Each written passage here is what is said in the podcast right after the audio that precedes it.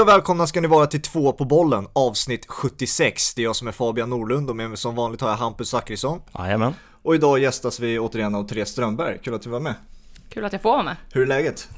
Eh, det är bra. Jag eh, mår bättre nu än vad jag gjorde för några veckor sedan, nu när allsvenskan är över. Du har varit stressad över att det ska avslutas eller?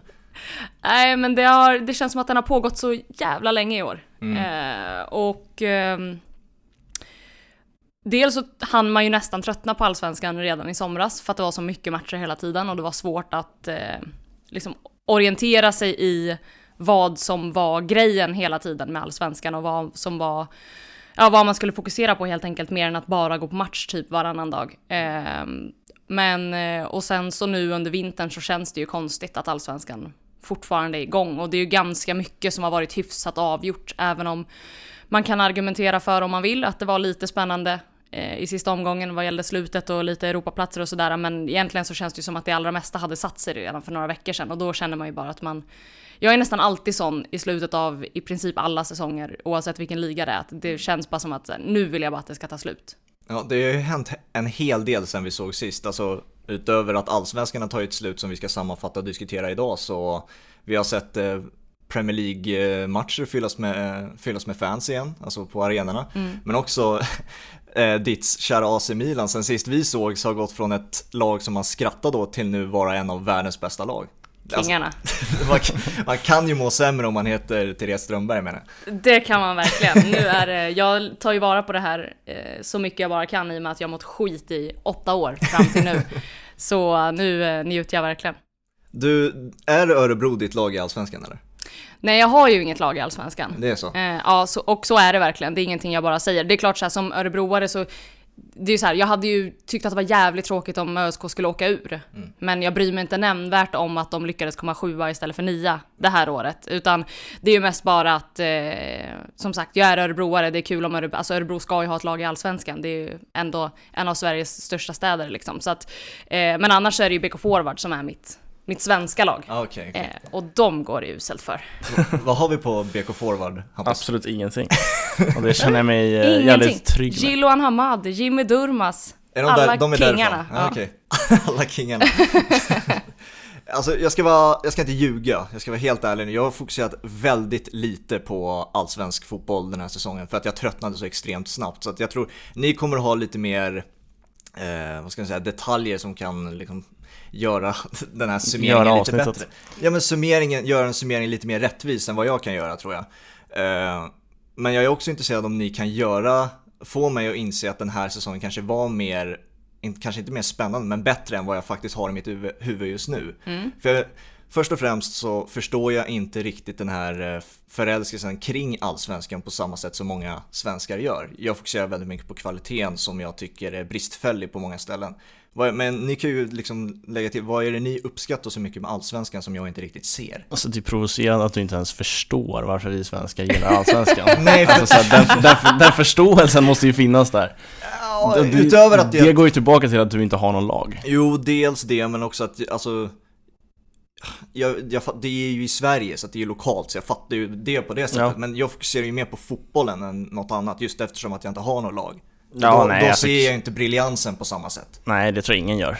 Alltså kvaliteten är ju det den är och det är inte därför vi följer allsvenskan utan det är ju för att det är vår liga. Alltså de på Gibraltar har sin liga och det är inte, det är inte kvaliteten som de går att titta på den för. Ehm, Så att det är liksom supporterskapet och därför vi vill att det ska rapporteras om och ja men det är därför vi följer den för att liksom så många ja, man har sitt lokala lag, man kan gå till arenan, det kan man inte göra när man, alltså Milan, Liverpool, man kan inte man kan inte vara där hela tiden. Eh, här i Sverige kan vi vara, vara, vara på plats och det är därför vi, vi tycker om det. Jag tror alla förstår att kvaliteten är där den är. Mm. Mm.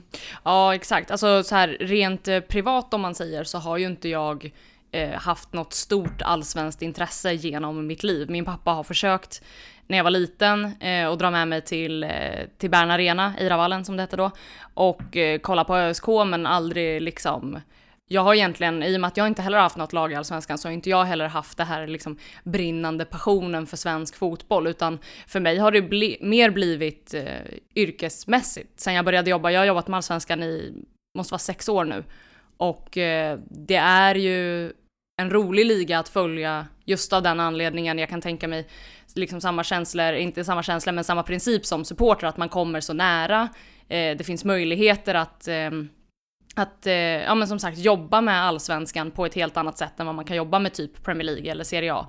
Eh, och det har ju, även om det känns som att det går åt ett annat håll just nu så har ju allsvenskan alltid varit en ganska öppen liga. Du kan gå på träningar, du kan prata med i princip vilken spelare du vill, kan ringa till en sportchef och få ett svar på, på vad det nu är du undrar. Eh, så att det har ju blivit mer, som sagt, en, en, jag har ju mer en jobbmässig relation till allsvenskan än någonting annat och eh, tycker ju att den är väldigt, väldigt rolig att jobba med just som sagt av den anledningen att man kommer så nära och kan göra journalistik på ett helt annat sätt än vad man kan på andra ligor. Sen har ju Allsvenskan verkligen sin charm att det, så här, det händer de absolut mest bisarra grejerna. Vi får också så här, intervjuer med tränare två minuter innan matchstart, eh, spelare i paus. Det är en helt annan öppenhet än eh, andra ligor. Mm. mm. En annan, eh, ett annat argument för att Allsvenskan är så briljant är ju ofta fansen. På många ställen i, i Sverige så har, finns det ju fantastiska fans, fantastiska arenor och kan man ha det som en faktor, eller det är väl en faktor till att kvaliteten också sjunker den här säsongen och eh, är inte lika bra. Ja, definitivt. För alltså hur, alltså hur skulle vi jämföra med tidigare säsonger? Alltså att den har varit tråkigare för många, ja, det, är begrund, eh, det beror ju på fansen, men hur, alltså, hur skiljer sig kvaliteten från jämförelse med tidigare år på grund av att fansen är borta? Alltså det är ju så att det, om man jämför med de senaste åren i alla fall så känns det ju som att, ja men förra året till exempel så hade vi ett svinhögt poängsnitt i Allsvenskan. Det krävdes ganska mycket poäng för Djurgården för att vinna.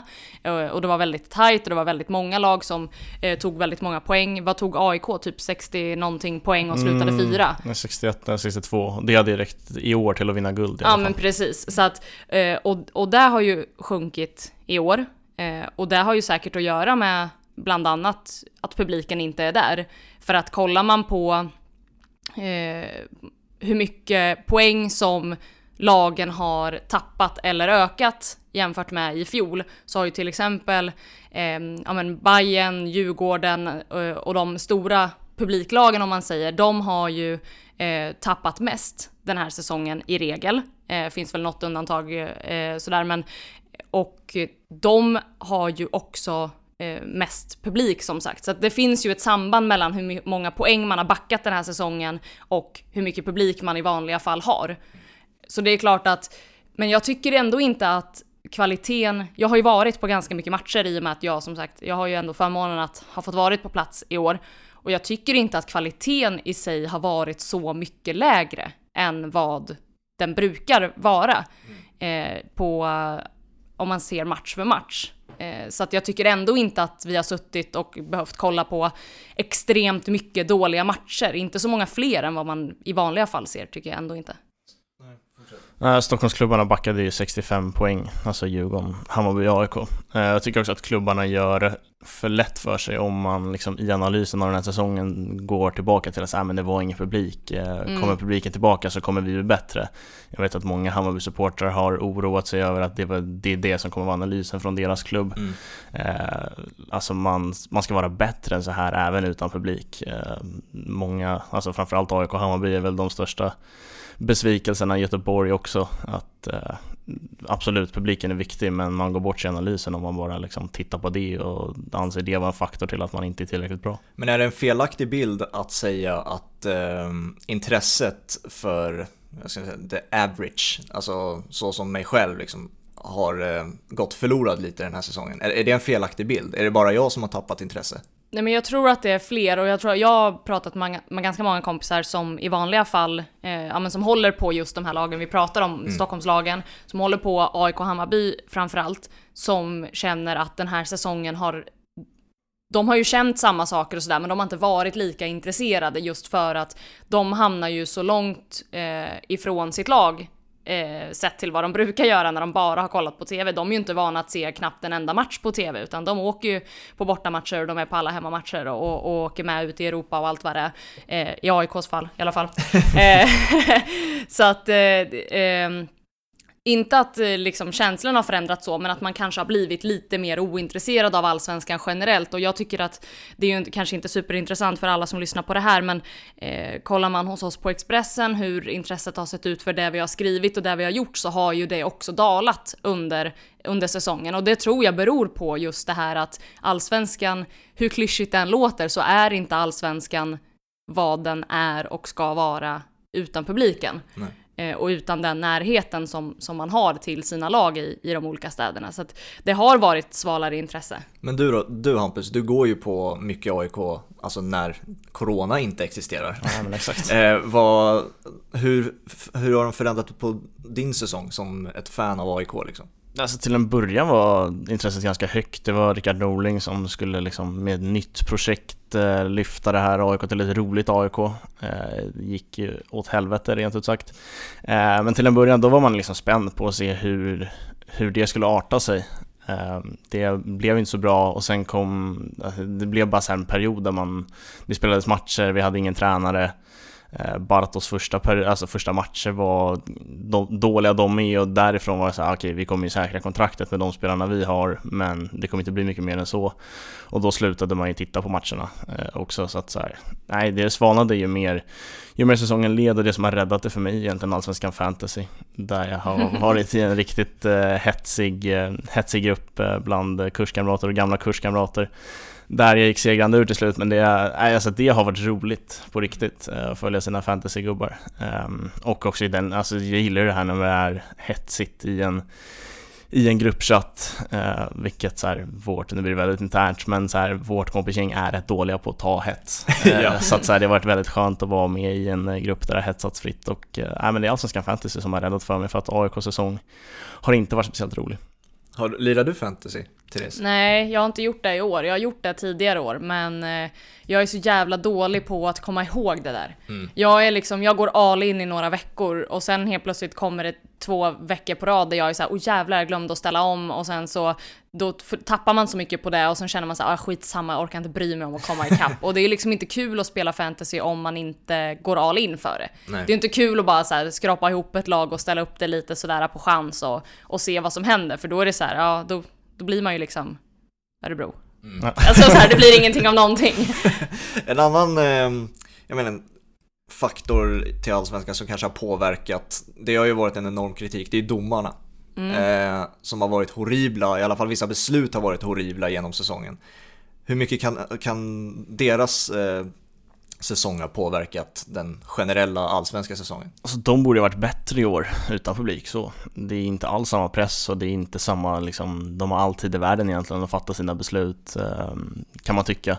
Eh, ingen som står och skriker att de är både det ena och det andra. Så att, eh, alltså, den här domarkåren har ju varit kritiserad tidigare i år tänkte väl jag att så här, men det kommer bli lite bättre, de har mer tid på sig, inte, inte samma press, men de har ju gjort allt för att få VAR till nästa år. Det är liksom, äh, fel beslut på fel beslut, det är sanslöst.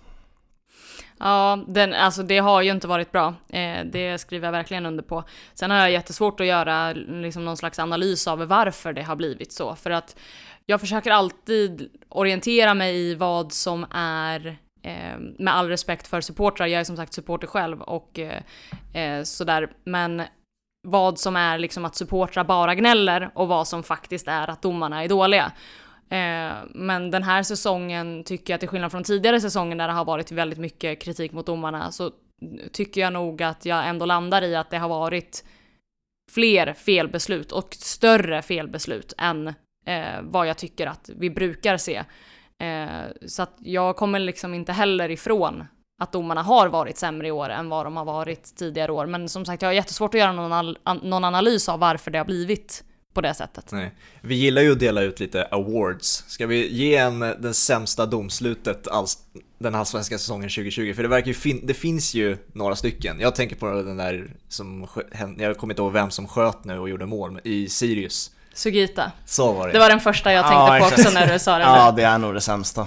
Men alltså, där, där vill jag ändå så här, jag tycker att det är ett horribelt beslut och så det, det är självklart att han inte ska döma. För visst är det så att eh, situationen är ju att Sirius eventuellt ska ha en frispark, domaren blåser inte, Sugita skjuter och när han har skjutit bollen så blåser han Exakt. och det blir mål.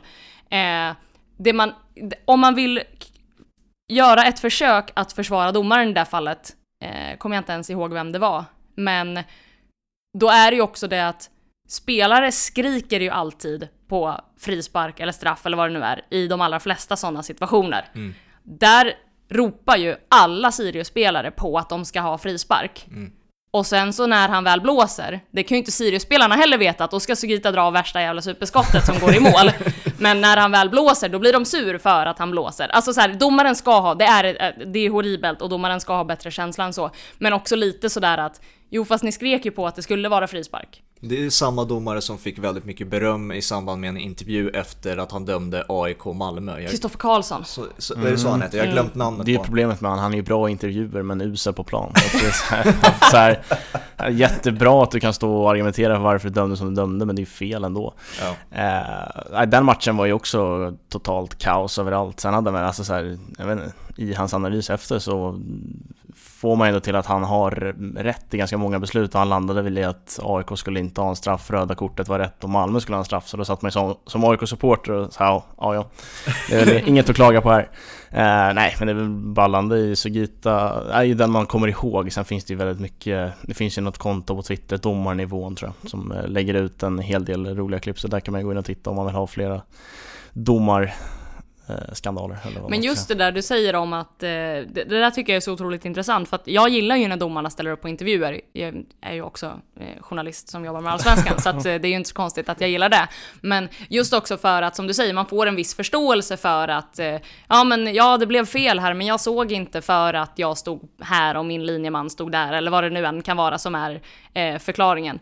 Eh, och det, det är ju bra tycker jag när de kan gå ut och stå för, antingen stå för sitt beslut och säga jag tycker att jag gjorde rätt av den här anledningen och sen kanske man kan få så här, aha men det där visste inte jag om regelboken. Eller som sagt säga att det blev fel och sen så kan man ändå, men som supporter så blir man ju nästan bara ännu mer förbannad när de går ut och säger så här, ja men jag vet att det blev fel, man bara käften. Alltså så här, jag kommer ihåg där från när, eh, ja men dels eh, eh, Montaris eh, spökmål mot Juventus 2012. Eh, som den domaren som jag inte kommer ihåg namnet på nu, jag vet precis vem det är men jag har glömt bort hans namn, gick ut eh, när han slutade som domare sen och det var så här, hade du, eh, så här, vad hade du gjort om om du kunde? Och då väljer han ju det målet att så här, det är ett solklart mål. Och då blir jag så här, men kom inte dragandes med det åtta år senare, alltså det, det funkar inte så, du kan inte hålla på på det här viset. Nej, det så det är ju ändå, det är ganska intressant det där hur det, man landar ju nästan alltid i att så här, vad, vad domarna än gör så, så blir det fel i någons ögon. Mm. Och så är det ju, så att det måste ju vara ett helt fruktansvärt jobb att ha Hur på ser, det sättet också. hur ser diskussionen ut kring VAR och Allsvenskan? Kommer det ske nästa säsong? Eller Jag tror att det är för dyrt. Eh, är det det som... Där Ja, det är ju det som är, du, du ska ju montera upp en otrolig mängd kameror utöver de som redan finns för att du ska kunna få alla de här vinklarna. Du ska ju dessutom då ha Eh, om det är fyra extra domare eller vad det är per match eh, som sitter i, i bussen eller vart de nu sitter i varummet. Eh, så att det krävs ju mycket mer folk, det krävs mycket mer teknik, det kommer att kosta väldigt mycket pengar. Och pengar finns det ju inte överflöd av i Allsvenskan, kanske speciellt inte efter ett sånt här år. Nej. Så att eh, jag, jag tror att det är för dyrt, men jag, alltså så här, en sak som jag tycker är väldigt konstig, det är att det inte ens finns eh, målkameror fortfarande i verkligen. Allsvenskan. Det är ju bisarrt. Alltså, det var ju något mål här för, för förra omgången eller något sånt där som... Ja det var ju Bayern som gjorde mål mot, så det var väl Malmö typ. Ja, det kanske det var. Jag kommer, Hammarby gjorde mål i alla fall. ja, exakt. Eh, men det vart inte mål. Alltså så här, ha målkameror åtminstone. Alltså, det jag tror kanske är om man ska, alltså de svenska domarna vill ju såklart ha in VAR också för att det, det kommer ju sluta med att de inte får döma i Europa annars i och med att man använder VAR överallt just nu. Eh, och då blir det ju svårare, då kommer ju de hamna lägre ner på priolistorna om de inte dömer med VAR till vardags. Eh, så att det är klart att de vill ha in VAR, kanske att man, att de på något sätt kan få in liksom en förenklad version, men det blir ju också så här, jag har ju sagt det hela tiden om VAR, jag är inte super för VAR, men jag tycker att ska vi ha det, vilket så här, det är oundvikligt, det kommer att stanna här och det kommer att vara så.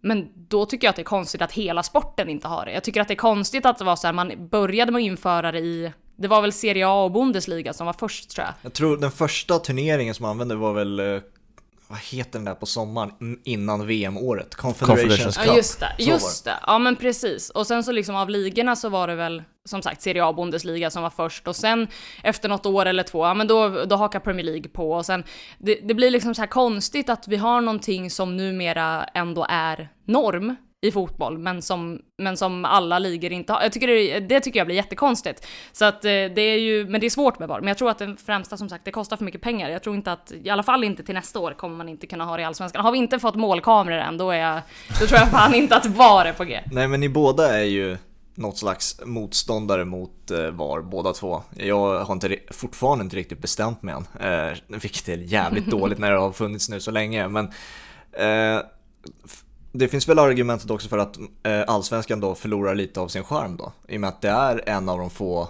ligorna, högsta serierna i ett land som inte använder VAR. Eller? Tors torskar man Alltså det hade ju hänt ännu mer sjuka grejer med VAR. om man tycker liksom sjuka saker i fotbollsliga är charmigt så hade ju allsvenskan blivit eh, supercharmig. För det, det har man ju lärt sig med VAR ute i Europa, liksom, det handlar ju fortfarande om hur bra domarkåren är. Det är fortfarande han i VAR-rummet ska ju komma fram till någonting eh, och och eh, den, liksom, den allsvenska domarkåren eh, har ju problem att hänga med liksom, med en domare, sen ska han sitta och kolla i slow motion på grejer, så jag tror att det har hänt ännu mer sjuka saker. Eh, alltså så här, ah, förlorar i charm, jag vet inte, man vill väl liksom Svensk fotboll vill väl nå så långt som möjligt och VAR är ju någonting de stora ligorna använder. Så att jag tror att liksom man siktar ju på det. Eh, att få det efterhand. Men eh, nej, som Therese är inne på så tror jag att det är liksom för dyrt och man har inte resurserna för det i år eller kanske inte ens liksom eh, nästa år. Nej.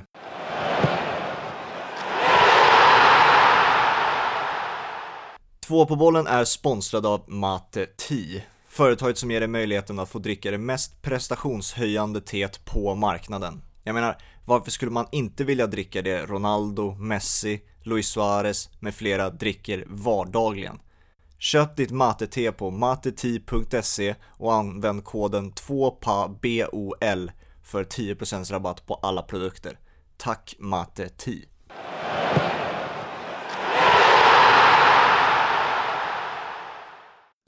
Ska vi sammanfatta lite lag då? Vi har Falkenberg och Helsingborg som åker ut. Vad är den gemensamma nämnaren egentligen för de här två bottenlagen? De är usla. Ja. Alltså det är ju inte, helt ärligt, så de har varit så dåliga den här säsongen och det, jag, är, jag var nog ganska, jag tycker nog att det var ganska väntat att Falkenberg skulle få det svårt. Eh, jag trodde kanske inte att Helsingborg skulle vara något över övre halvan lag, men däremot så trodde jag absolut att de skulle klara sig kvar. Eh, och där är man ju mest besviken på att man har gått en hel säsong och haft så här, jo men det här löser de. Alltså de har perioder i matcher då de är väldigt bra. De har haft förmågan att komma ut efter en dålig första halvlek och göra en eh, hyfsat, hyfsat bra andra halvlek. Eh, de har eh, periodvis tagit sig fram till lägen. Men de kan ju inte göra mål och de kan ju inte vinna fotbollsmatcher. De hade en period där i somras väl, eller om det var augusti-september någonting, när de vinner Eh, när de vinner ett, ett, antal matcher och kryssar ett antal matcher, börjar ta poäng, typ så fyra matcher i rad de tog poäng och då känner man så här, nu, nu händer det någonting med Helsingborg, här vänder det för dem. Och sen går de bara tillbaka till att vara så klappusla igen. Under den perioden så tog de också poäng i fel matcher någonstans för ett bottenlag. De eh, kryssade borta mot Djurgården och slog AIK hemma. Eh, nu blev väl AIK ett bottenlag kanske under en period den här säsongen, men man ska ju ta segrarna mot bottenlagen gärna. Eh, sen är alla poäng välkomna, men liksom det kom lite fel period för dem också. Eh, men jag tycker att Helsingborg är ju underprestation och Falkenberg är ju mer normalt. Alltså de, mm. de har ju en dålig trupp från början. Helsingborg har ju en trupp med Martin Olsson och Andreas Granqvist med landslagsmeriter. Eh, Granen är ju, spelar inte en match i år känns det som. Hur, må, hur eh. många matcher spelade Granen? Han spelade 54 minuter tror jag. Ja. Starkt. Men mot eh, Kalmar. De, eh, jag tycker att liksom, deras spelarmaterial ska lösa ett nytt allsvenskt även utan Granqvist. Så att, äh, det är en ja, men alltså, under, det här grov är ju, underprestation. Ja men alltså det är ju bara ett bevis på vilka otroligt svaga psyken som vandrar runt i den där truppen när de vinner och spelar på det sättet de gör i sista omgången mot Norrköping, när de redan är utslagna. Då ser man ju det här som man har väntat på, som man har tänkt så här, det här kommer hända. Alltså att de kommer göra sina mål, de kommer ta vara på sina lägen, de kommer att spela hyfsat bra. Det har man ju väntat på som sagt hela säsongen, men det är först när de är utslagna som de går och gör den prestationen, för då kan de spela helt utan press. Alltså jag kan inte dra någon annan slutsats av det. Nej. Hur tippade ni botten? Eller jag vet att du och jag Hampus, vi tippade väl att Varberg skulle åka ut båda två. Det gick ja. ju sådär. Ja, eh, hur, hur tippade du botten, Therese? Jag kan också ha tippat att Varberg skulle åka ur. Undrar hur jag tippade egentligen. Jag vet att jag tippade Östersund sist. Och det hade ju att göra med att jag tog för givet att de inte skulle klara elitlicensen och bli automatiskt utskickade mm. alldeles oavsett hur det hade gått sportsligt. Eh, så jag tippade Östersund sist i alla fall. Eh, gud, jag kommer verkligen inte ihåg. Jag tror att jag kan ha haft Falkenberg på kval eller att Falkenberg åkte ur. Och jag tror jag hade Varberg där nere också. Jag tror det var Falk Falkenberg och Varberg som var eh, de två lagen ovanför Östersund om jag tänker rätt. Jag borde ha kollat upp det. Det hade varit hyfsat enkelt att göra för jag tror att den ligger på Expressen. Men... Ja, du och jag Fabian hade ju Varberg och Östersund att åka ur. Eh, fast du hade Östersund sist och jag hade Östersund näst sist, Varberg sist. Okay. Så att, där var vi rätt fel ute. Ja. Ska man, ska man ta Varberg då? Vi kan ju röra oss lite mot mitten. Vad är det som är, alltså vi har en Jörgen Klopp light både utseendemässigt och kanske spelmässigt. eh. Ja i alla fall, alltså så här, han har ju en tydlig idé hur han vill att sitt lag ska spela fotboll. Och det gillar jag med Jocke Persson. Eh, en av de tidiga intervjuerna han gjorde när de snackade om eh, utsparkar och att så här, det var bättre med korta, eller insparkar. Eh, korta insparkar och Norrköping var bäst i klassen på det, de ledde serien. Eh, men Jocke Persson sa att liksom, ja, ser ni mitt lag eh, spela en kort inspark så ja, hade han väl kunnat gett eh, reporten mycket pengar. För det, det, det, skulle inte ske i år, liksom, släppa in enkla mål, inget Varberg ska hålla på med. Så att han är charmig Jocke Persson. Vad var anledningen till det då? Nej men tappar de bollen där så har motståndarlaget 20 meter till mål, tappar de bollen där uppe så är det 60 meter till mål. Och han har väl förstått vilket liksom spelargrupp han jobbar med, att han har gjort det bästa utav det. Vad, alltså jag som inte har sett mycket Varberg då, vad är hans tydliga spelidé om han är en sån otroligt bra tränare då? För att det, det är han ju bevisligen om man tar Varberg till en mittenposition menar Ja men de har ju velat ha, dels så, jag tycker också att de har varit ganska bra på att kunna vara lite flexibla även om de som sagt har sin, sin tydliga idé hela tiden och, och den spelaren som sticker ut hos dem är ju en sån som Astrid Selmani som springer hela jävla tiden och bara irriterar allt och alla. Eh, jag vet att han sa det själv vid något tillfälle när jag intervjuade honom, jag var på eh, Varberg-Djurgården i somras. Eh, och eh, pratade med honom efteråt och eh, Djurgården eh, ja, Djurgårdsspelarna hade sagt det att ja, men det är inte så enkelt att komma hit och, och ta poäng och de är svåra att spela mot och så här. Och så frågade jag Selmani bara varför, varför tror du att alla säger så? För alla säger ju det. Varför tror du att de säger så? Och då säger han det, han är så jävla skön Astrid Selmani alltså. Då säger han det, nej men de har, jag tror aldrig de har mött en sån anfallare som mig. Och jag bara, vad, vad, vad menar du? Han bara, jag är överallt, jag bara irriterar alla, jag bara springer hela tiden överallt och pressar överallt. Och det är ju typ det han gör. Och det är ju det som har, han har ju varit Jocke Persson har gjort det jättebra med Varberg och han har gjort det jättebra med det här laget, bevisligen två, alltså både förra året och det här året. Men eh, det som är grejen är ju att Astrid Selmani har ju varit, enligt mig i alla fall, enskilt viktigast till att de har tagit de poäng de har gjort, att de klarar sig kvar på det sättet som som de gör. Och det var ju någonting, det har ju varit deras mål hela tiden. De har ju varit väldigt offensiva med det. I samma intervju där så sa ju Selmani, för jag frågade honom liksom att de hade, de hade en lite sämre period just då och jag frågade någonting om det och då sa han, nej men det här är ingen fara, vi kommer ta 30 poäng och vi kommer vara kvar i Allsvenskan. Och jag bara så gud jag frågade inte ens. alltså, så att eh, det är en väldigt härlig karaktär att ha, att ha i Allsvenskan. Sen var det inte alltid lätt att spela på Postbergsvallen på grund av vädret också. Jag kommer ihåg eh, Haugård hade en assist som liksom blåser förbi Stojan Lukic och går de kan lägga in en öppet mål. Så det, är, det. det, är en extremt öppen arena jämfört ja. med många andra allsvenska arenor. Så att eh, vinden var ju också en faktor som de kanske lärde sig att hantera bättre än många andra lag. Jag tänkte ju, man tänker ju att meningen nästa ska vara, men ska vi ta Stockholmslagen och toppen då? Men tyvärr Hampus måste vi stanna kvar i mitten då och snacka Stockholm och AIK. Man kan ju knappt förstå att Norling-säsongen och hans misslyckande får man ju ändå klassa det som var den här säsongen. Nej, verkligen inte. Alltså en extremt märklig säsong som känns väldigt uppdelad i två. Där Nordling eh, ja, ska hitta på något nytt projekt och Atalanta. Eh, det var ju Alltså det såg ju helt okej okay ut i vissa perioder. Problemet var ju att så här, det som skulle hända med det här spelsystemet var att det skulle skapas chanser. Men det skapas ju kanske mindre chanser än vad vi gjorde med 3-5-2an eller 5-3-2an eller hur man väljer att se på den. Eh, men där Norlings höjdpunkt blir väl derbysegern mot eh, Hammarby. Och sen fick han sparken efter andra derbyt där mot Djurgården. Eh, och sen liksom har, jag vet inte, jag kommer inte ihåg ens om vi hade en tränare matchen efter. Det känns inte som det. Det gick i alla fall någon vecka där, två veckor utan tränare och sen kom Bartosz in. Eh, en oklar spelidé. Alltså det, så här, det kändes inte som AIK fick lyfta någon gång under säsongen. Sen var vi väldigt bra under en period där vi liksom senaste 11 matcherna ledde serien. Eh, men då var det redan för sent och förkört liksom, så att eh, då kontraktet skulle räddas och det gjorde han ändå ganska snabbt. Så att eh, en uppdelad säsong som inte, alltså det, som du sa, det känns inte som Nordling var den här säsongen. Där Lustig och Larsson är otroligt viktiga för att ens kontraktet säkrades. Vad är den stora förändringen då? Alltså jämförelse med Norling och när han fick sparken till det AIK som avslutar säsongen. Vad är, den, är det formationsmässigt och inställningsmässigt som ändras eller? Ja men det Bartosz gör egentligen är ju att han går tillbaka till det som AIK gjorde bra innan Norling bestämde sig för att förändra saker och där eh, var det väl inte bara Norling som bestämde det utan det var ju ett eh, av allt att döma ett eh, ganska gemensamt beslut de tog att AIK behövde göra någonting, att AIK kunde inte fortsätta vara tråk-AIK.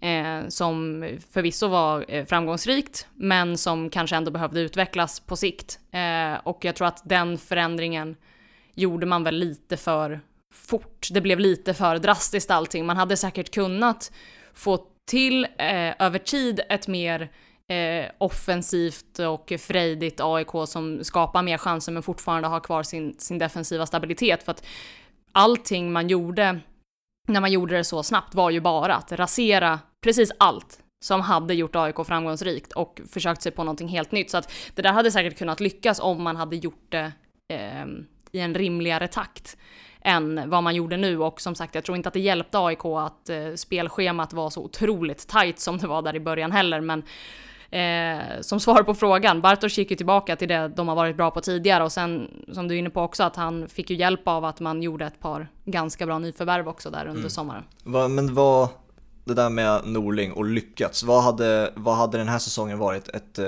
Alltså när det är en sån stor förändring så kommer det ju ske antagligen en förändring i tabellen också. Vad hade varit en, en lyckosam förändring då? Alltså problemet med att göra så förändringar i AIK är att man kan snacka om att ja, men vara inställda på att det blir ett lite sämre år. Men ligger AIK 6-7 så är inte supporterskaran nöjd ändå, även om vi vet att det är under förändring och att det här kanske blir bra sen. Så liksom är liksom inte AIK ja, men, klarar inte av att ligga 7, 8, 9 utan att det så här, inte ska börja hända grejer och avgå alla är ju liksom dels på skämt men också någonting äkta. Alltså så här, det, det händer ju eh, oftare i AIK än vad det kanske gör i andra klubbar. Så att jag tror att AIK ska inte hålla på med så här stora förändringar eh, med samma tränare. Då hade man fått kanske plocka in en annan tränare som så här, det, det är det här han ska göra. Eh, för att även om AIK kan prata om att vi tar ett mellanår så funkar inte det. Nej. Och eh, ett annat Stockholmslag då, eh, Hammarby. Så många tippade, jag tror vi tippade de tvåa, jag tror många andra tippade de tvåa. Jag hade de tvåa. Ja. ja, både du och jag hade AIK 3 och Bayern 2. Ja, så att och där är väl den, den största exemplet på att fansen saknas, antar jag. Det är, väl den, det är väl det som definierar Hammarbys säsong, att det är ju ett väldigt momentumlag när det kommer till fans. Jag tror att det är dels det. Jag tror inte, precis som vi var inne på tidigare, att man ska stirra sig blind på att det skulle vara den enda analysen till varför det har gått så dåligt. Jag, utan att jag vet, så känns det som att Eh, eller dels, det, det, jag vet och det Hammarby själva har pratat om, det är ju att de eh, var väldigt redo till när säsongen egentligen skulle ha börjat. De hade ju åkt på extra träningsläger och allt vad det var och sett till att de skulle vara så otroligt fit det bara gick att vara. Men, eh, och sen så kom det här då att allsvenskan sköts upp och det var ju bland annat Alexander Kacaniklic har ju varit ute och kritiserat det. Jag vet att jag pratade med honom efter matchen mot eh, Malmö borta tror jag det var jag var på. Eh, och frågade honom då att vad, vad är det som händer med er mer eller mindre och, och, att han sa då att nej men någonting, vi får gå tillbaka och kolla på, någonting är det vi har gjort de senaste åtta månaderna som inte håller. Det är någonting vi har gjort som inte, eh, någonting i våra förberedelser som inte har stämt. Eh, så att det var väl någonting där, eh, alldeles uppenbart. Eh, och sen så känns det som att jag, jag, tror inte att det är omöjligt att det händer någonting när Zlatan kommer och tränar med dem under våren heller.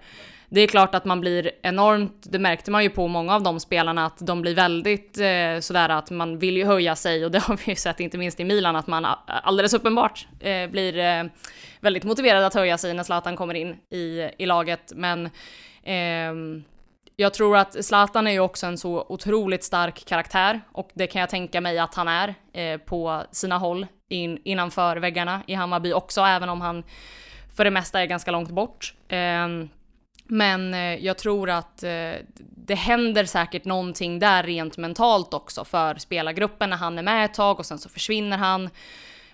Och sen så saknar man ju till exempel, eh, som det har tjatats om under säsongen, men en sån som Nikola Djurdjic. Jag tror inte man ersätter honom så lätt i ett lag som Hammarby med allt vad han betydde. Så att jag tror att det finns jättemånga olika anledningar. Och det är klart att publiken är en stor del i Bayerns fiasko, men jag tror att det finns väldigt mycket annat att peka på också. Billborn har ju fått väldigt mycket kritik från sina egna spelare också. Det är väl en av eh, få tränare i Allsvenskan som får väldigt mycket kritik efter matcherna av sina spelare, så här, taktiska så här, beslut. Det, är liksom, ja, det var väl Kasaniklic som mm. gick ut efter vilket derby det nu var och sa att det, takt, takt, ja, taktiken var helt fel. Ja, jag tycker att Bayern alltså Bayern 2020 präglas väldigt mycket av gnället. Alltså, så här, de, alltså till och med deras här, officiella kanaler har gnällt i deras matchrapporter och det har varit mycket sånt som har gjort det lätt för andra klubbar att skratta åt dem.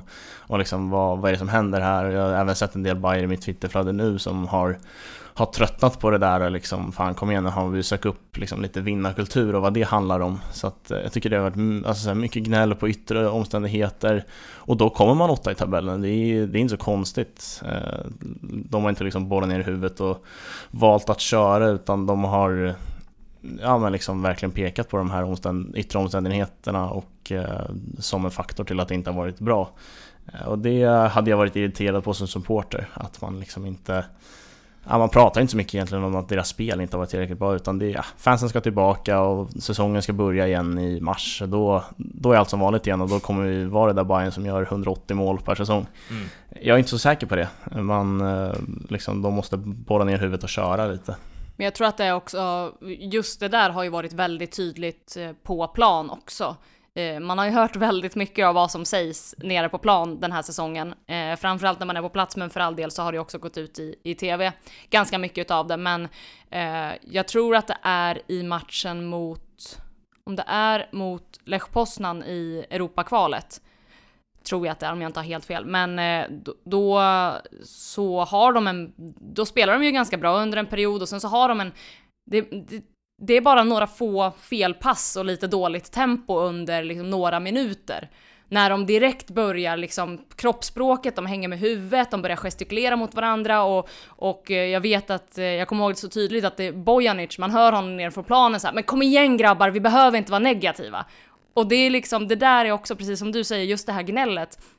Det tycker jag har varit supertydligt eh, på planen under matcherna också, att det har inte varit en, någon toppenmentalitet i Bayern. Och sen vad den beror på eh, är ju också svårt att säga när man inte är där varje dag hela tiden, men, men den har onekligen varit, det, det är någonting man tar med sig från Bayern den här säsongen när man har varit och sett dem på plats mycket. Mm, alltså individuellt sett så fin, alltså, det finns många individuellt bra fotbollsspelare i Hammarby och det är väl därför också man bygger upp dem till ett så bra kollektiv också vilka individuella spelare som verkligen får underkänt i Hammarby. För det var ju, alltså vissa sa ju liksom Tankovic, Kasaniklic, eh, Paulinho, eh, vilka har vi, Bojanic. Det är liksom den bästa offensiven på pappret enligt många, mm. utöver Malmö kanske då.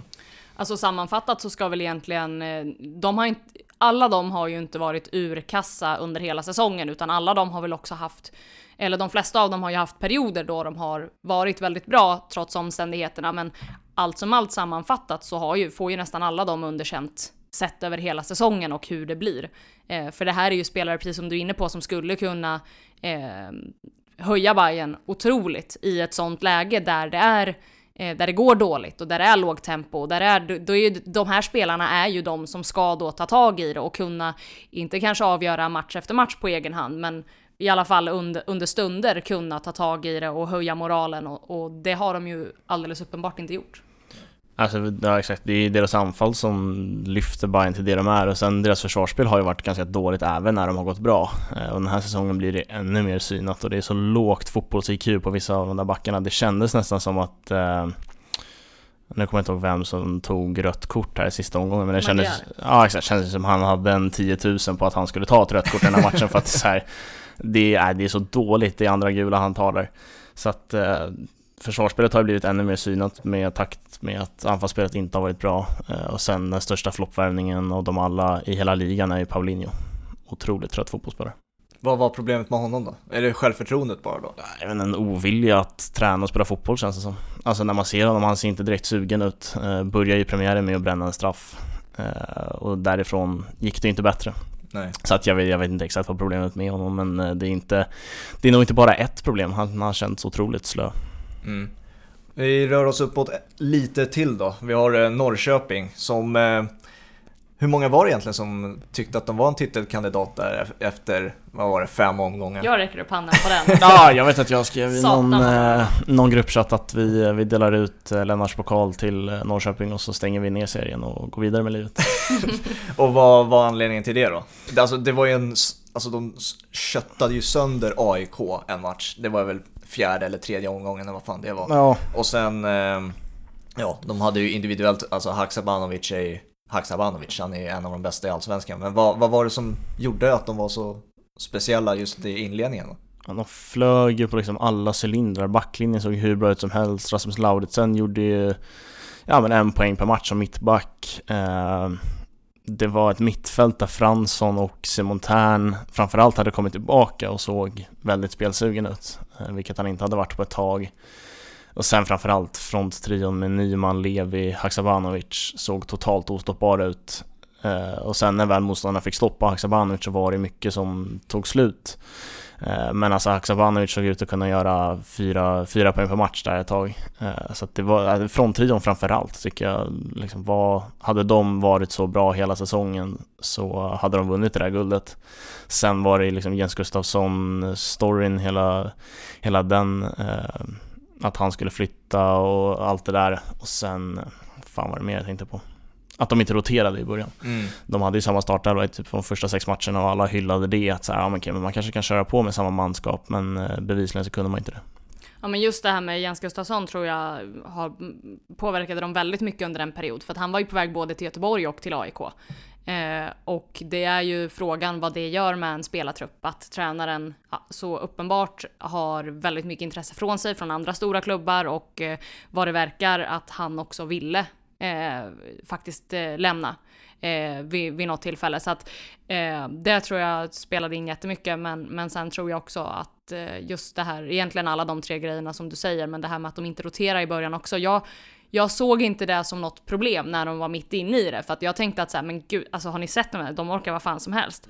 Eh, men sen är det ju svårt också att sia i hur en sån här säsong ska påverka fysiken och eh, det mentala tror jag man, man underskattar ganska mycket också. Man pratar väldigt mycket om hur, hur jobbigt det är rent fysiskt för spelarna att spela så här mycket matcher eller spela så tight som, som de gjorde under sommaren eller som de fortfarande gör internationellt. Men eh, jag tror att den mentala aspekten där är också, och jag tror inte man ska underskatta Eh, nu blir det här en, ett, en, ett lite större inspel än, än bara till att gälla Norrköping, men generellt så tror jag inte man ska underskatta heller. Jag menar, vi lever ju mitt under en pandemi och det har varit väldigt osäkra tider under hela det här året och jag tror inte direkt att fotbollsspelare är immuna mot att gå runt och oroa sig för sina barn eller sin, sina föräldrar eller sin mormor eller vad det nu kan vara. Så att jag tror inte man ska underskatta heller rent generellt bland fotbollsspelare eh, att det, det också kan ha en otroligt stor eh, inverkan. Att det inte bara är en, en fysisk belastning utan också en mental belastning på ett, på ett sätt som jag tror att man inte tänker på så ofta. Nej.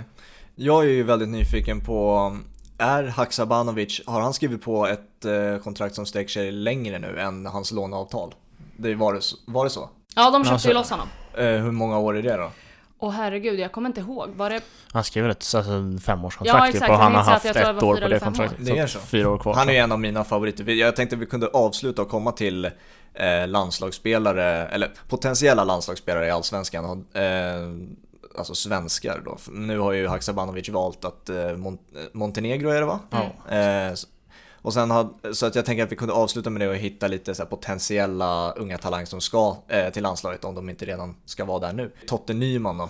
Eh, vinner skytteligan. Hur imponerande är det att eh, Alltså fortfarande, det är ett lag som slutar sexa att vinna skytteligan. Ja definitivt, han, det var ju en otroligt stark inledning på säsongen och sen en stark avslutning och sen fick han ganska mycket hjälp av Adam Ladebäck med tre straffar på en halvtimme eller vad han fick. Men alltså det är ju allsvenskans bästa forward eh, och det är därför han vinner skytteligan också så att det, det imponerar. Sen tycker jag alltså så här, han, han var ju även det inför. Han var ju med i snacket så det är ingen spelare som kommer från ingenstans och vinner skytteligan men eh, Norrköping har gjort otroligt mycket mål. Eh, sen har de varit sämre bakåt, det är väl det som har liksom fällt dem i slutändan. Men eh, Nyman gör väl sin målbästa säsong någonsin, eh, tror jag. Så att, eh, det imponerar att göra det liksom, ja, på ålderns höst vet jag inte. Det är väl taskigt mot han. Han är inte så gammal. Men, Han är typ 28 eller Exakt! men han har ändå kommit tillbaka från ett Europaäventyr och eh, studsar tillbaka väldigt fint. Ja men och mycket liksom, han har haft skadeproblem och behövt eh, jobba väldigt mycket med sin kropp för att få den eh, i ordning och det var väl under förra året så han gjorde väl en del mål förra året också men, men det var väldigt mycket prat då om just hans fysik och, och sådär och att han kan komma ut den här säsongen och släppa loss på det här sättet trots att den här säsongen återigen har varit väldigt påfrestande för dem. Det tycker jag också är superimponerande. Han är ju hur bra som helst. Han var väl med i de första eh, landslagssamlingarna med Jan Andersson va? Ja, Om precis. Han har varit med under Janne. Exakt vilken, vilka samlingar det har varit vet jag inte, men jag är rätt säker på att han har varit med i alla fall. Ska han vara aktuell nu då? Nu när han har vunnit skytteligan i Allsvenskan? Alltså jag vet inte, det beror ju på om vi, vi tänker bort Zlatan här för att det är ju bara gud vet ifall han ska tillbaka. Men jag vet, alltså, jag, jag tänker i dagsläget med en del spelare som är ganska ur form, ja kanske, men jag tror jag sa det någon gång i och med att jag har jobbat på SVT den här säsongen och, och gjort ett allsvenskt eh, program, så jag tror jag sa det vid något tillfälle där också att, att då var det Isak Kiese vi pratade om och jag tycker ju att det faktum att Isak Kiese Thelin inte är med i Jan Anderssons landslagstrupp är ju ett tecken på hur mycket bra anfallare Sverige har just nu. Man kan tycka vad man vill om Marcus Berg, men han är ändå nyttig för, eh, för landslaget. Eh, man har Robin Quaison där som känns supergiven. Eh, du har Alexander Isak eh, och så vidare, så att jag vet inte om just nu när en sån som Isak är i så usel form som han ju verkar vara, så ja, kanske att han ska in. Men samtidigt så är det ju långt kvar till nästa landslagssamling också och då kan ju Isak ha gjort sju mål på åtta matcher, det vet vi inte. Vill du Ja. säga Totte? Nej, alltså jag tycker vi har så bra forwards. Det går inte att ta ut en landslagstrupp enbart på form varenda gång. Då skulle det skilja sig hur mycket som helst och man skulle Mm. aldrig kunna sätta en stomme liksom. Så att nej, alltså våra anfallare är bra och jag liksom sitter ju jättetryggt i Marcus Berg-båten. Eh, älskar Marcus Berg. Eh, vår bästa målskytt i Champions League den här säsongen från Sverige. Så att, eh, fan, fantastisk forward. Jävla knivigt att ta den platsen alltså. Ah, han är väl ensam, ensam svensk forward, men eh, så är det. Han gör, han gör mål. Även om man vill få det till att han inte gör det så gör han det. Och jag, sku, jag skulle nog ändå säga också att jag hade hållit eh, Kiese som eh, jag hade hållit honom högre i landslagssammanhang än vad jag håller Totte Nyman, just av den anledningen som du är inne på också, att Isak Kiese har varit med relativt nyligen i alla fall, och det känns som att han kanske är lite mer inkörd, även om Totte Nyman vet exakt vad det innebär att spela under Jan Andersson och i, ett, i den typen av lag, så, så jag tror inte han hade haft svårt att komma in, men det är klart att det är så också att det, jag menar, det stundar ändå ett EM får vi hoppas, och eh, det blir ett VM-kval om några månader som inleds, så det är klart att man inte ska eh, rotera runt alldeles för mycket bara för att en spelare gör 18 mål i Allsvenskan, hur imponerande den är. Mm. Det var ju en duell om eh, andra och tredje platsen och också en duell om en plats i Europa Conference League, alltså en ny klubbturnering som... Framförallt var det en duell om att slippa spela Europa Ja men det är Conference det jag tänkte komma till. Är det, eh, får man en plats i den? Det är ingen kval? Nej, det är kvar. Det är kvar. Det är kval alltså. Alltså tredje divisionen bakom Champions League och Europa League då. Eh, kommer väl, låter ju som en riktig pissturnering men... Eh, Alltså Europa League tycker ju jag är en pissturnering Ja, redan. så att, eh, exakt. och sen är ju den såklart, det är ju klart att det är stort för svenska lag att gå dit. Det säger jag absolut ingenting om. Men rent om man kollar eh, internationellt så är ju Europa League Europa League är ju lite bottenskrapet eh, redan som det är. Och det här är ju bara Uefas sätt att försöka göra både den och Champions mer attraktiv. De vill ju bli av med alla dynggäng och sätta dem i en turnering som ingen kommer bry sig om, som de inte kommer behöva betala ut så mycket pengar till, för de vill inte betala så mycket pengar till typ svenska lag och sådär som, som de ändå inte tjänar någonting på i längden heller. Så att det, det är ju vad det är med Conference League. Grejen med Conference League är väl att Europa League bantas ner till 32 lag. Mm. Eh, Så att den, den kan ju bli ändå mer slagkraftig, så det får de ju till. Men eh, Conference League känns eh, otroligt osexig. Så, och, och konsensus är då att majoriteten av lagen där uppe ville slippa det. Nej, jag tror inte det var så, men det kändes så ett tag. Det var liksom eh, så fort att eh, alltså, Djurgården eller Norrköping gick upp på de där platserna eh, så uh, torskade de ett par matcher i rad så att de uh, slapp ligga där uppe. Uh, Men jag tror inte att det var så egentligen. Alltså, jag tror att varje chans man får spela i Europa som allsvenskt lag tar man. Uh, Och det handlar nog bara om att kvaliteten inte fanns där. Ja, men det är klart att alldeles oavsett om det är mycket mindre pengar än vad det är i Europa League så kommer det ju finnas pengar i Conference League och inte minst kommer det ju finnas möjlighet att eh, eh, menar, skaffa sig eh, internationell erfarenhet och erfarenhet av Europaspel för att det tycker jag saknas väldigt mycket. Alltså det tycker jag, tänker jag på varje gång ett svenskt lag. Det är ju mer eller mindre bara Malmö som klarar av det. Alla andra lagen viker ju ner sig när de kommer ut, eh, ut i Europa och det som behövs, det kan ju hända då i och med att det blir ju liksom de sämsta av de bästa i Europa då som, eh, som hamnar i Conference League. Och det kan ju hända att det blir enklare, det vet man ju inte, att ta sig dit än vad det har varit att ta sig till Europa. Kan man eh, liksom samla på sig erfarenhet av att möta internationellt motstånd eh, i, i, större utsträckning där än vad man har klarat av i Europa, då vinner man eh, allsvenskan ett år då och får kvala till Champions så kanske man då också har större chans att ta sig, eh, kanske inte hela vägen till gruppspel i Champions, men i alla fall lyckas eh, ta en plats i Europa League. Alltså på sikt så kanske det ändå kan vara bra för Sverige det här. Eh, det återstår ju att se hur, hur osexig man än tycker att turneringen är, för att det är den ju onekligen. Mm. BK Häcken och Elfsborg tar ju tredje och andra platsen då eh, och tar den här eh, kvalplatsen då blir det då till Europa, Europa Conference League heter det. Alltså man säger ju att turnering, eller ligatabellen ljuger ju aldrig. Men är det rätt de två lagen som ska ta de två platserna? Vi, Mjällby och Djurgården missar till exempel. Norrköping också. Ja, alltså Mjällby tycker jag gör en fantastisk säsong och det är ett skämt att Marcus Lantz inte är nominerad till Allsvenskans stora pris som årets mm. tränare. Eh, för den tycker jag att han ska vinna, även om Jon Dahl Tomasson går och vinner Allsvenskan sin första säsong så tycker jag att Marcus Lantz har gjort en bättre säsong. Eh, så att eh, Mjällby imponerar, men ja, jag tycker att Häcken och Elfsborg har varit, alltså det har varit väldigt, o, båda de har varit ojämna eh, och liksom det har krävts, känns som det har krävts mindre i år för att ta en eh, topp tre-platser, det har det väl gjort också. Eh, men på det stora hela tycker jag att Elfsborg är ganska såklart tvåa och sen är det lite hugget och stucket vilka som kom tre och det känns inte orimligt att Häcken gjorde det. Nej, jag håller faktiskt med helt. Sen så tror jag kanske inte att ehm nu bara sågar jag dem direkt, eh, det första jag gör inför nästa år. Men jag tror kanske inte att något av de lagen har så superstora möjligheter eh, i Europa. Men baserat på den här säsongen så tror jag liksom inte att något av de andra lagen som har varit med och slagits om det hade haft det heller, om man säger. Så att eh, det, det, det är ju vad det är fortsatt med svenska lag i Europa. Det är väldigt lätt att på förhand se att tyvärr det inte kommer bli så mycket av någonting. Eh, men som sagt, som jag sa innan, det kanske, den här Conference League kanske kan eh, hjälpa Sverige på det sättet att om några år kanske man sitter här och ändå, ändå kan känna sig eh, hoppfull när svenska lag går ut och ska kvala. Och i sista omgången var det fint att se något väldigt osvenskt som att man bara spelade av 10 minuter där båda lagen var klara. Häcken var klara för Conference League och Kalmar eh, var klara för kval och det var så högt de kunde komma och då var det liksom doe-doe match där de bara stod och spelade av i 10 minuter. Det, det känns väldigt osvenskt, så eh, det var härligt att se. Hur mycket cred ska Thelin och eh, Andreas Alm ha? För att det, de har ju trupper också som bygger på väldigt mycket individuell kvalitet. Vi kommer till Jesper Karlsson lite senare i Elfsborg och i Häcken har man ju spelare som, vad fan är han heter nu igen då? Irandust. Just det, så heter han. Eh, liksom, vad, hur mycket cred ska man ge de två? Alltså, Andreas Alm är ju så nära garanti man kommer i Allsvenskan. Eh, man kommer ju liksom topp fyra med Andreas Alm. Eh, det har han gjort de senaste tio åren känns det som. Eh, AIK innan och så Häcken. Så att jag tycker att han är liksom bara en genombra allsvensk tränare som man vet vad man får av.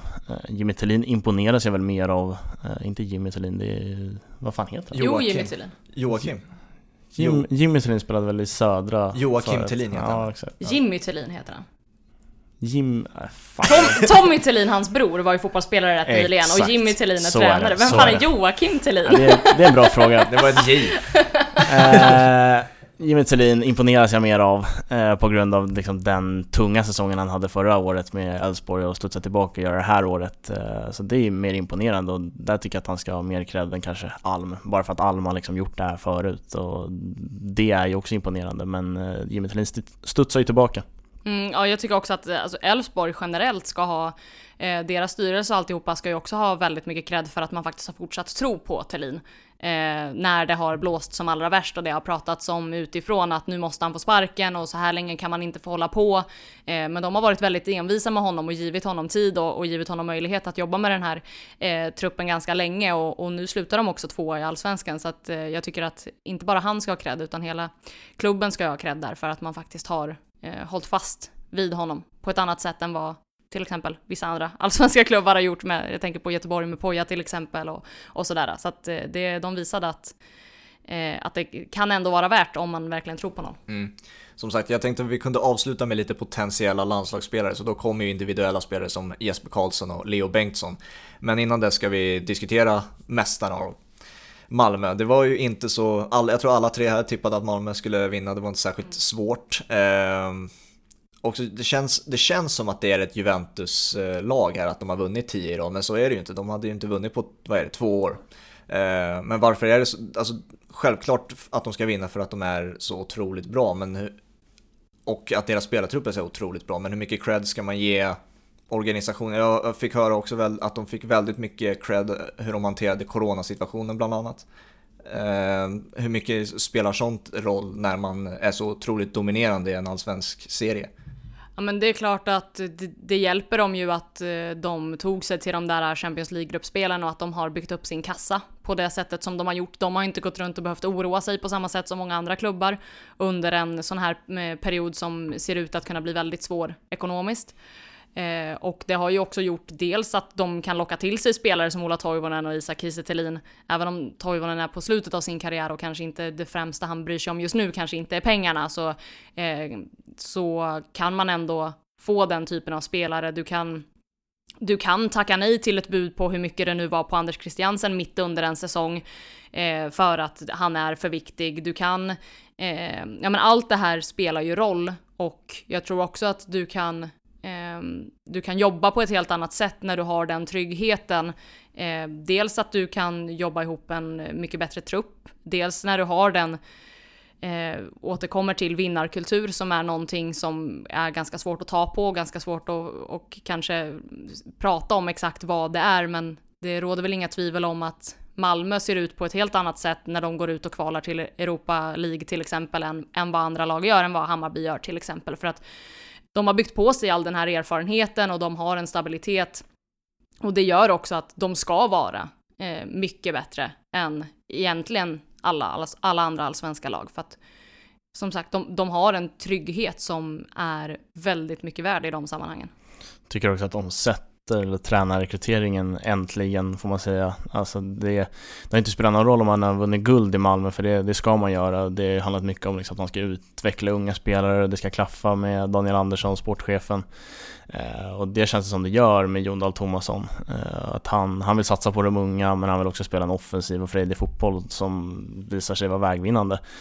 Så att de sätter ju tränarrekryteringen som var lite liksom, när Jon Dahl Tomasson presenterades så känner man så här, ah, fan nu kanske man, alltså som AIK, nu var vi inte ens nära så, men alltså som andra klubbar kanske tänkte att ah, men nu, nu har vi chans att ta guld även i år för att nu chansar de med en tränare igen. Eh, och det var en chansning men den gick hem eh, och han känns Alltså Malmö känns ju i en klass för sig även när vi går in i nästa säsong oavsett vad de andra lagen värvar egentligen. Mm, för att när jag ser spelartruppen också tänker jag hur kunde man låta AIK och eh, Djurgården va, som vann eh, de här två åren, hur kunde man låta dem vinna när man har den här spelartruppen? Är det en tränarfråga det då? Alltså för att när man ser truppen, det är liksom ingen, ingen annan trupp i Allsvenskan i närheten. Alltså det har väl, dels kanske kan spela in lite så, men samtidigt så, jag menar de har ju vunnit SM-guld de här eh, under 10-talet med ändå en del olika tränare. Eh, och det känns ju nästan ibland som att vem som helst kan gå in och vinna ett SM-guld med Malmö FF. Men, eh, men det, det kanske är lite det, men det har väl också varit eh, omständigheter som har gjort att, eh, att Malmö, Malmö inte har varit så bra. Och sen tror jag också att, jag tror att i en sån liga som, som allsvenskan som eh, som är det har ju historiskt varit svårt att bli så dominant som Malmö har varit och då är Malmö ändå inte, som du var inne på, Juventus dominant eller, eh, eller för den delen sådär Bayern München dominant eller, eh, och jag tror att det kommer att, jag tror att det är svårt att bli så dominant i en serie som Allsvenskan. Eh, så att jag tror inte att man ska förvänta sig att Malmö springer iväg och vinner guld exakt varje år för att eh, det finns ju uppenbarligen andra klubbar Eh, som också har, eh, om man säger, eh, tillräckligt med kompetens för att bygga ett guldvinnande lag. Eh, det var väl ingen som trodde att Djurgården skulle göra det förra året till exempel, men alldeles uppenbart så har de gjort ett jättebra jobb. Eh, så att jag tror samtidigt, bara för att Malmö är och ska vara dominant så tror jag inte att de kommer bli sådär tråkdominant och att ingen annan nu under hela 20-talet kommer vinna SM-guld, utan jag tror att de kommer säkert ta flest de kommande tio åren också om de fortsätter så här, men, men jag tror inte att det kommer vara omöjligt för andra att göra det. Jag vet ju att man inte ska tippa så här långt på förhand, men alltså det finns väl inget annat lag som vinner Allsvenskan 2021 än Malmö? Eller? Nej, du fortsätter med dina modiga tips, det gillar jag. det är, det är, det är, det är inget modigt i det, men... Nej men du, du gillar ju liksom att sticka ut hakan och säga att PSG vinner Liga kan gå långt i Champions League. sa jag inte, jag sa Champions League. Nej men det absolut, Malmö är bäst. Ja. Så. Jag tror att det kommer hända ganska mycket med många av de andra lagen fram till nästa säsong också. Dels så kommer väl AIK behöva eh, bredda sin trupp en del. Eh, ett sånt lag som Djurgården kommer nog få bygga om en hel del. Det är väldigt många spelare som försvinner. Det är väldigt mycket oklarheter kring miljön i eh, Djurgården eh, den här säsongen. Eh, Bayern kommer nog också att få jobba lite för att eh, ta sig upp där igen. Göteborg, vad ska hända med dem till nästa säsong? Alltså det, det känns som att det kommer hända väldigt mycket. Det kommer ju vara väldigt mycket tränare i, i omlopp också i Allsvenskan känns det som till till nästa säsong. Så att det, det, blir ju spännande att se vart man står i, i mars när det förhoppningsvis snart ska dra igång igen. Ja, nej, är det i mars det drar igång? Nej, det brukar väl vara första helgen i april eller något sånt där Ja, som Allsvenskan exakt. drar igång. Och sen har det väl varit snack nu om att eventuellt skjuta lite på det i och med att det kommer vaccin och man hoppas att man ska kunna börja ta in publik. Men det kanske sker först i maj om man då ska skjuta på det en månad. Sen kommer det ett EM, så då kommer man ha ett uppehåll och sen kommer det vara 18 000 matcher i veckan igen då mot hösten. Men ja, det är väl inte helt klart när den ska börja nästa år helt enkelt. Men det brukar ju vara i början på april. Ska vi avsluta lite med det där som jag redan har nämnt några gånger nu i avsnittet? du är ju så jävla sugen på Ja, de här är- jag unga Jag är ju spelarna till landslaget. Vi har inte sagt så mycket om Djurgården så tycker jag det får vara. Ja. Eh, för att det, Det är väldigt inget, inget sägande säsong. ja, det är det. Sen tycker jag att de, det enda man kan säga om dem är att de har, de har den roligaste julkalendern i år. Det är en spelare som lämnar för varje dag som går känns det som. Så att, eh, det, det tycker jag är kul av Bosse att han, är, att han hittar på något nytt. Det var det om Djurgården. För vi brukar ju avsluta de här sammanfattningarna med awards, men jag tycker att det finns så många självklara, självklara till när det kommer till positioner och sånt där. Vi har ju Christiansen som är överlägset bäst i Allsvenskan, så det finns ingen diskussion att ha där tänker jag. Så att, eh, jag tycker vi egentligen lägger upp det så, så unga spelare som eh, ni antingen ser framför er komma till landslaget snart, eller som ni kanske ser om ett, två år komma. För jag, i mitt huvud så är det Jesper Karlsson och Leo Bengtsson som jag redan nämnt, som jag alltså, nästan lite frustrerad att jag inte har sett dem, framförallt Jesper Karlsson, än i landslaget. Ser ni något annat namn eh, ni vill se, eller kommer kunna se i landslaget? En sak bara om Jesper Karlsson, det var att jag tyckte han sa en så otroligt rolig grej där när han precis hade blivit klar för AZ i, i somras, det var slutet på sommaren, Mm. när var det? Eh, så sa, det hade väl precis då varit en, om det precis hade varit en landslagsuttagning tror jag och han inte var med i A-landslagstruppen och fick frågan i och med att han är ju med i U21 och det är ju oundvikligt, alltså Jesper Karlsson kommer att komma, om han, kommer han inte i mars så kommer han vara given efter EM när landslaget också kommer att göras om lite grann. Eh, så kommer han vara supergiven där, det är jag helt övertygad om men Eh, men då sa han det att, ja, han fick frågan så här, tycker du inte att du skulle ha varit med i A-landslaget istället? Och så sa han det att, nej men jag vill, eh, på tal om det här då med eh, huruvida man får, får speltid och huruvida man får starta om man heter Dejan Kulusevski eller inte bland annat så, eh, så, var, så sa han det att nej men det är bättre att jag, det är bättre att jag är U21 och får spela än att jag kommer till A-landslaget och inte får spela. Det var så här, ändå lite eh, smart, smart tänkt av honom tänker jag att, att inte förvänta sig med tanke på hur det har varit eh, i landslaget, och hur debatten har gått, att inte bara tänka att ja det är jättekonstigt att jag inte är med utan att känna det att så här, ja men är jag i U21 då får jag ju spela och det är toppen. Alltså på tal om u landslaget så herregud vad förbundet vann den traden mellan eh, Rolle Nilsson och eh, Poya Asbaghi. Jaha, det kan man Alltså jag gillar ju Poya Asbaghi som tränare, jag tror att han kommer bli superbra för svenska u landslaget framförallt för han känns som en kille som är bra på att utveckla unga spelare. Mm. Eh, och jag vet inte, det känns inte som Rolle har gjort så mycket med Göteborg, han räddade kontraktet och sen ska de börja om på ny kula och det känns inte som man vill göra det med honom. Nu blir de väl så illa, tvungna med det men u u är stora vinnare i den traden. Håller med. Men la- landslaget, alltså Erik Karl tycker jag imponerar stort alltså, han ska inte in i A-landslaget nu. Han ska ju göra sina U21-år först och så får vi se vad, vad det hamnar efter det. Men jag tycker att han imponerar i liksom, det defensiva positionsspelet. Man snackar mycket om den offensiva ytterbacken och moderna ytterbacken. Men han, han är bra offensivt, absolut. Inga superinlägg så. Eh, men defensivt är han ju grym. Eh, och ligger rätt redan nu när han är, vad är 19? Eh, så att eh, han tycker jag imponerar, alltså jag imponeras av honom stort. Var så ung och kunna ligga så rätt i försvarsspelet hela tiden. Så att där kan vi nog ha ett namn som får göra några år i AIK U21 och sen ut i Europa och då blir det nog ett namn för landslaget. Nej, men jag håller med, alltså någonting han måste träna på Alltså fram till nästa säsong, det är bara att nöta inlägg alltså. För att jag har sett så många bollar, alltså han har slagit rakt i famnen på målvakten hela tiden. Men så är det ju alltså, alltså Daniel Sundgren var ju en av liksom, allsvenskans bästa ytterbackar, han var inte bra på att slå inlägg. Nej. Eh, och ja, så är det ju. Men det är klart att det behöver han utveckla och det kommer han att utveckla. Så är det en AIK-grej då helt enkelt? Att vara dålig på inlägg? Nej, det, det är en allsvenskan grej. Alltså, jag, eh, alltså när man tittar på typ Championship och Premier League, alltså brittiska ytterbackar, jag är kär i varenda en för att de missar inte ett inlägg. Nej, så är det. Har du ett annat namn då Therese? Alltså jag tycker det är lite synd på det här som vi pratade om med att vi har så mycket bra anfallare för att eh, det hade ju varit kul att se en Astrid Selmani i ett eh, svenskt landslag också på, på sikt. Just med sin eh, han har ju en, som jag sa innan, otrolig karaktär. Eh, och att eh, få in den typen av spelare i ett svenskt landslag tror jag inte hade varit eh, helt fel. Men nu som sagt är vi ju ganska överens här om att man har ganska mycket bra anfallare redan. Vad är det, för, vad är det för ålder på honom? Han är 23 tror jag. Okej. Okay. En annan, eh, jag har ju tagit upp honom också då, Leo, Leo Bengtsson. Hur, um, för vi har pratat om, om honom Hampus någon gång tidigare, att han har en väldigt annorlunda spelstil i jämförelse med många andra yttrar som vi har sett i Allsvenskan framförallt. Ett flyt med bollen som få har. Eh, kan väl addera någonting eh, till ett svenskt landslag utöver det vi har sett tidigare. Det är, inte, det är inte den klassiska kubba ner längs linjen och slå ett inlägg liksom. Nej, alltså han behöver utveckla väldigt mycket innan jag tror att landslagsdiskussionen väcks på riktigt. Alltså det, jag tror inte man spelar i Häcken och i landslaget samtidigt. Eh, så att eh, någon, någon större europeisk klubb får väl eh, norpa honom och så får han göra det bra där. Men alltså som du är inne på, vi har pratat om hans flyt med bollen och det tycker jag är av liksom europeisk klass ibland. Hur han bara liksom, det ser ut som han svävar framför, mm. ovanför gräset och bara kör. Sen har han hittat någon egen grej med att liksom, eller egen grej, den är väldigt yttertypisk så men alltså det är inte många i Allsvenskan som viker in från sin kant och borrar in den i bortre. Eh, där har Leo Bengtsson blivit riktigt bra och eh, försvararna vet vad han vill göra men han får ändå till det rätt ofta. Så att jag tycker att, eh, jag är imponerad av hans säsong att gå från petad i Bayern till att vara så bra i Häcken. Så att, mm. Men det känns som att han är precis i början kanske på sin ordentliga utvecklingskurva. Om han Exakt. nu fortsätter den så har den ju ganska precis börjat. En sån som Armin Gigovic pratade man ju jättemycket om i eh, början av den här säsongen, känns det som.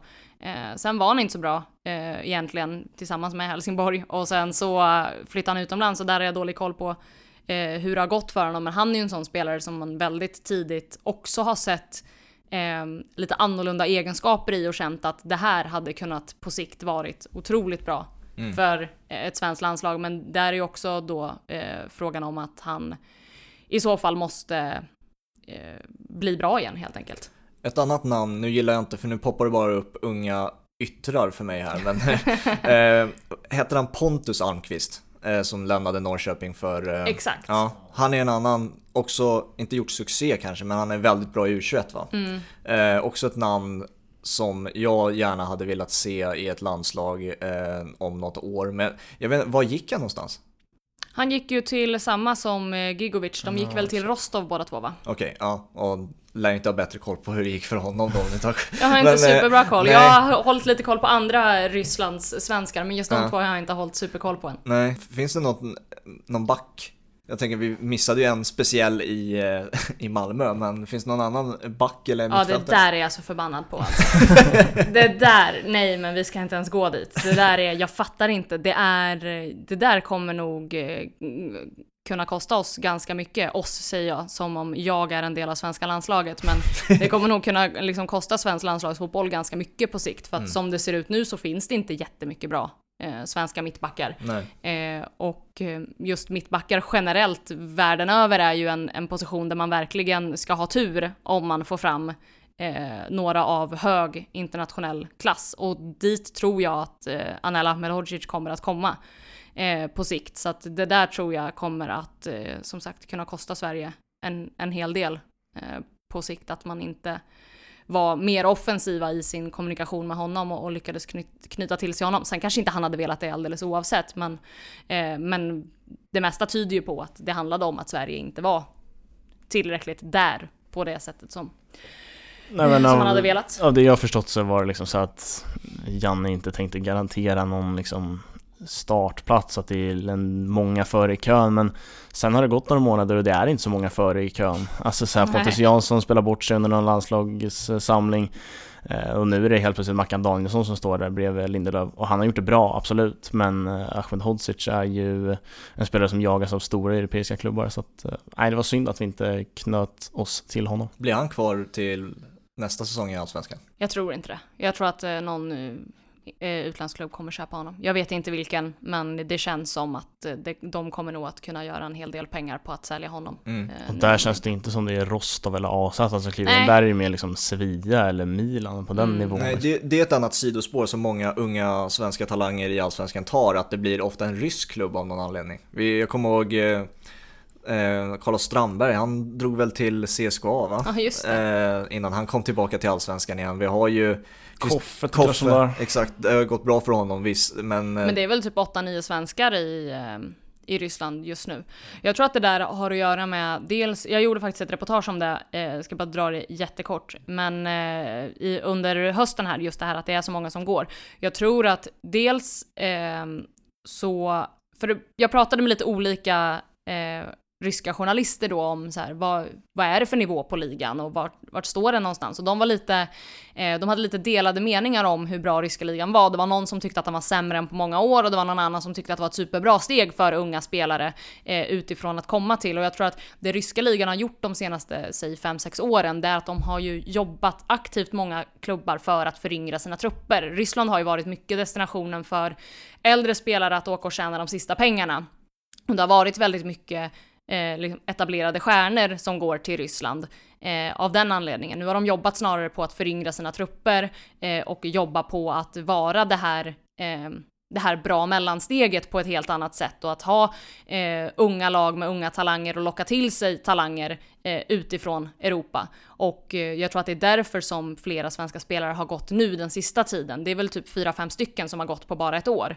Eh, och jag tror att det är det som är en av anledningarna. Och kollar vi på de spelarna som har gått, jag menar Kristoffer Olsson, hur bra som helst för honom, går dit alldeles uppenbarligen. Eh, Jordan Larsson levererar som aldrig förr. Så att jag menar, det, många av dem får ju väldigt fin utveckling på sin fotboll och, och av den anledningen så tror jag också att det är nog inget Även om det inte låter så sexigt att flytta till Ryssland så tror jag inte att det är ett jättedumt steg att, att ta om man passar in i, i, i laget och all, alla de här andra grejerna som alltid ska stämma också. vad drog Saletros någonstans? Var det också Det Ryssland? var Rostov. Ja, det var, alla drar till Rostov alltså. Ja, men anledningen till att vi pratar om liksom, unga spelare i Allsvenskan som vill till landslaget det är att du Fabian skulle gärna vilja se ett U26-landslag eller någonting. är man över 27 så, så är dörren där liksom. Ja, Jag försö- försökte hitta något sidospår utöver awards också, men eh, ja det är sant. Så att Jag, du slapp prata Allsvenskan. Nej, men eh, jag, jag vill ju, vi har ju varit inne på det, att den här eh, långsiktigheten eh, med Janne och förbundet nu, att liksom kunna se de här unga talangerna och namnen innan det är för sent. Eh, nu, eh, alltså, nu har vi Jesper Karlsson, det känns ju inte som att det finns något annat land än Sverige för honom att välja, men det kommer ju komma upp namn som har ett val att välja mellan vad det nu kan vara, Bosnien eller Sverige. Vi hade Kajuste, det var ju bra att det agerades där. Liksom, jag vill att ehm, vi har pratat om det tidigare, jag och Hampus i podden, att vi vill, eller jag vill se att eh, den här platsen 21, 22, 23 fylls upp av en ung talang som kanske får fem minuter så man knyter an den spelaren och sen bygger hans erfarenhet istället för att, som du sa eh, Therese, att Jesper Karlsson kommer kastas in nu till ett VM-kval efter EM och förväntas leverera när han inte har spelat en enda minut A-landslagsfotboll. Vilket jag tycker är helt orimligt. Det är för stora krav för honom när han inte har varit med tidigare. Istället för att bygga upp hans både självförtroende men också hans erfarenhet i landslaget. Alltså låt honom komma in 10, 15, 20 minuter liksom redan nu. Och liksom bygga upp det där självförtroendet och erfarenheten.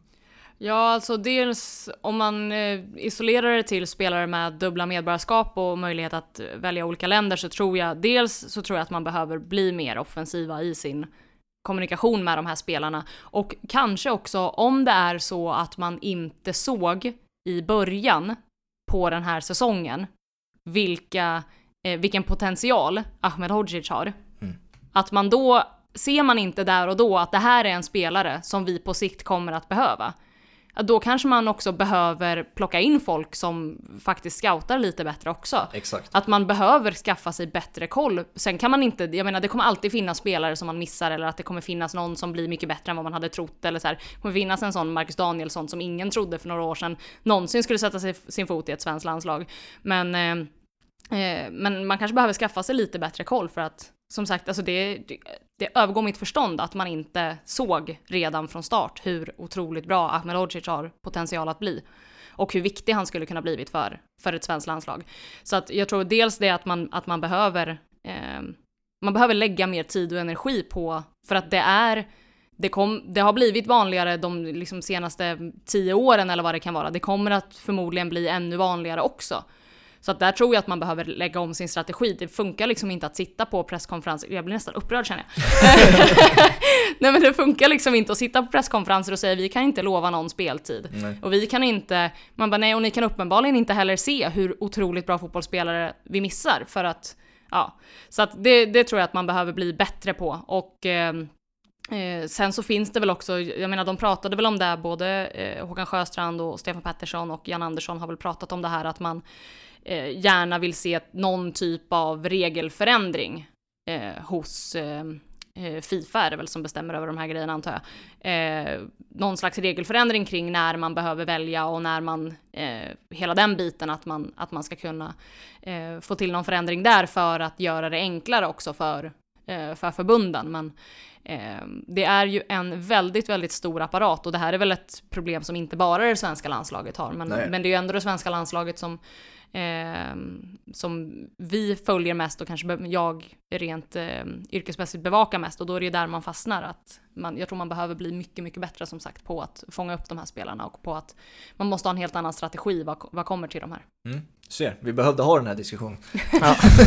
Jag behövde få ur mig det här. Exakt. Någonting då som är väldigt fint med äldre spelare i landslaget som du absolut inte vill se egentligen är ju att nu eh, Jogge Löw öppnar dörren igen till liksom Müller, Boateng, Hummels. Han har ju fattat att det, det funkar inte bara att göra liksom, all, vad heter det? Generationsförändringar eh, hipp som happ liksom. Nej. Man, eh, Nej, kanske inte Thomas Müller, men jag tänker lite mer på Andreas Granqvist och dem. ja, han är inte med längre så det är perfekt. Seb Larsson och Lustig ska ju vara med. Ja, Och Marcus Berg.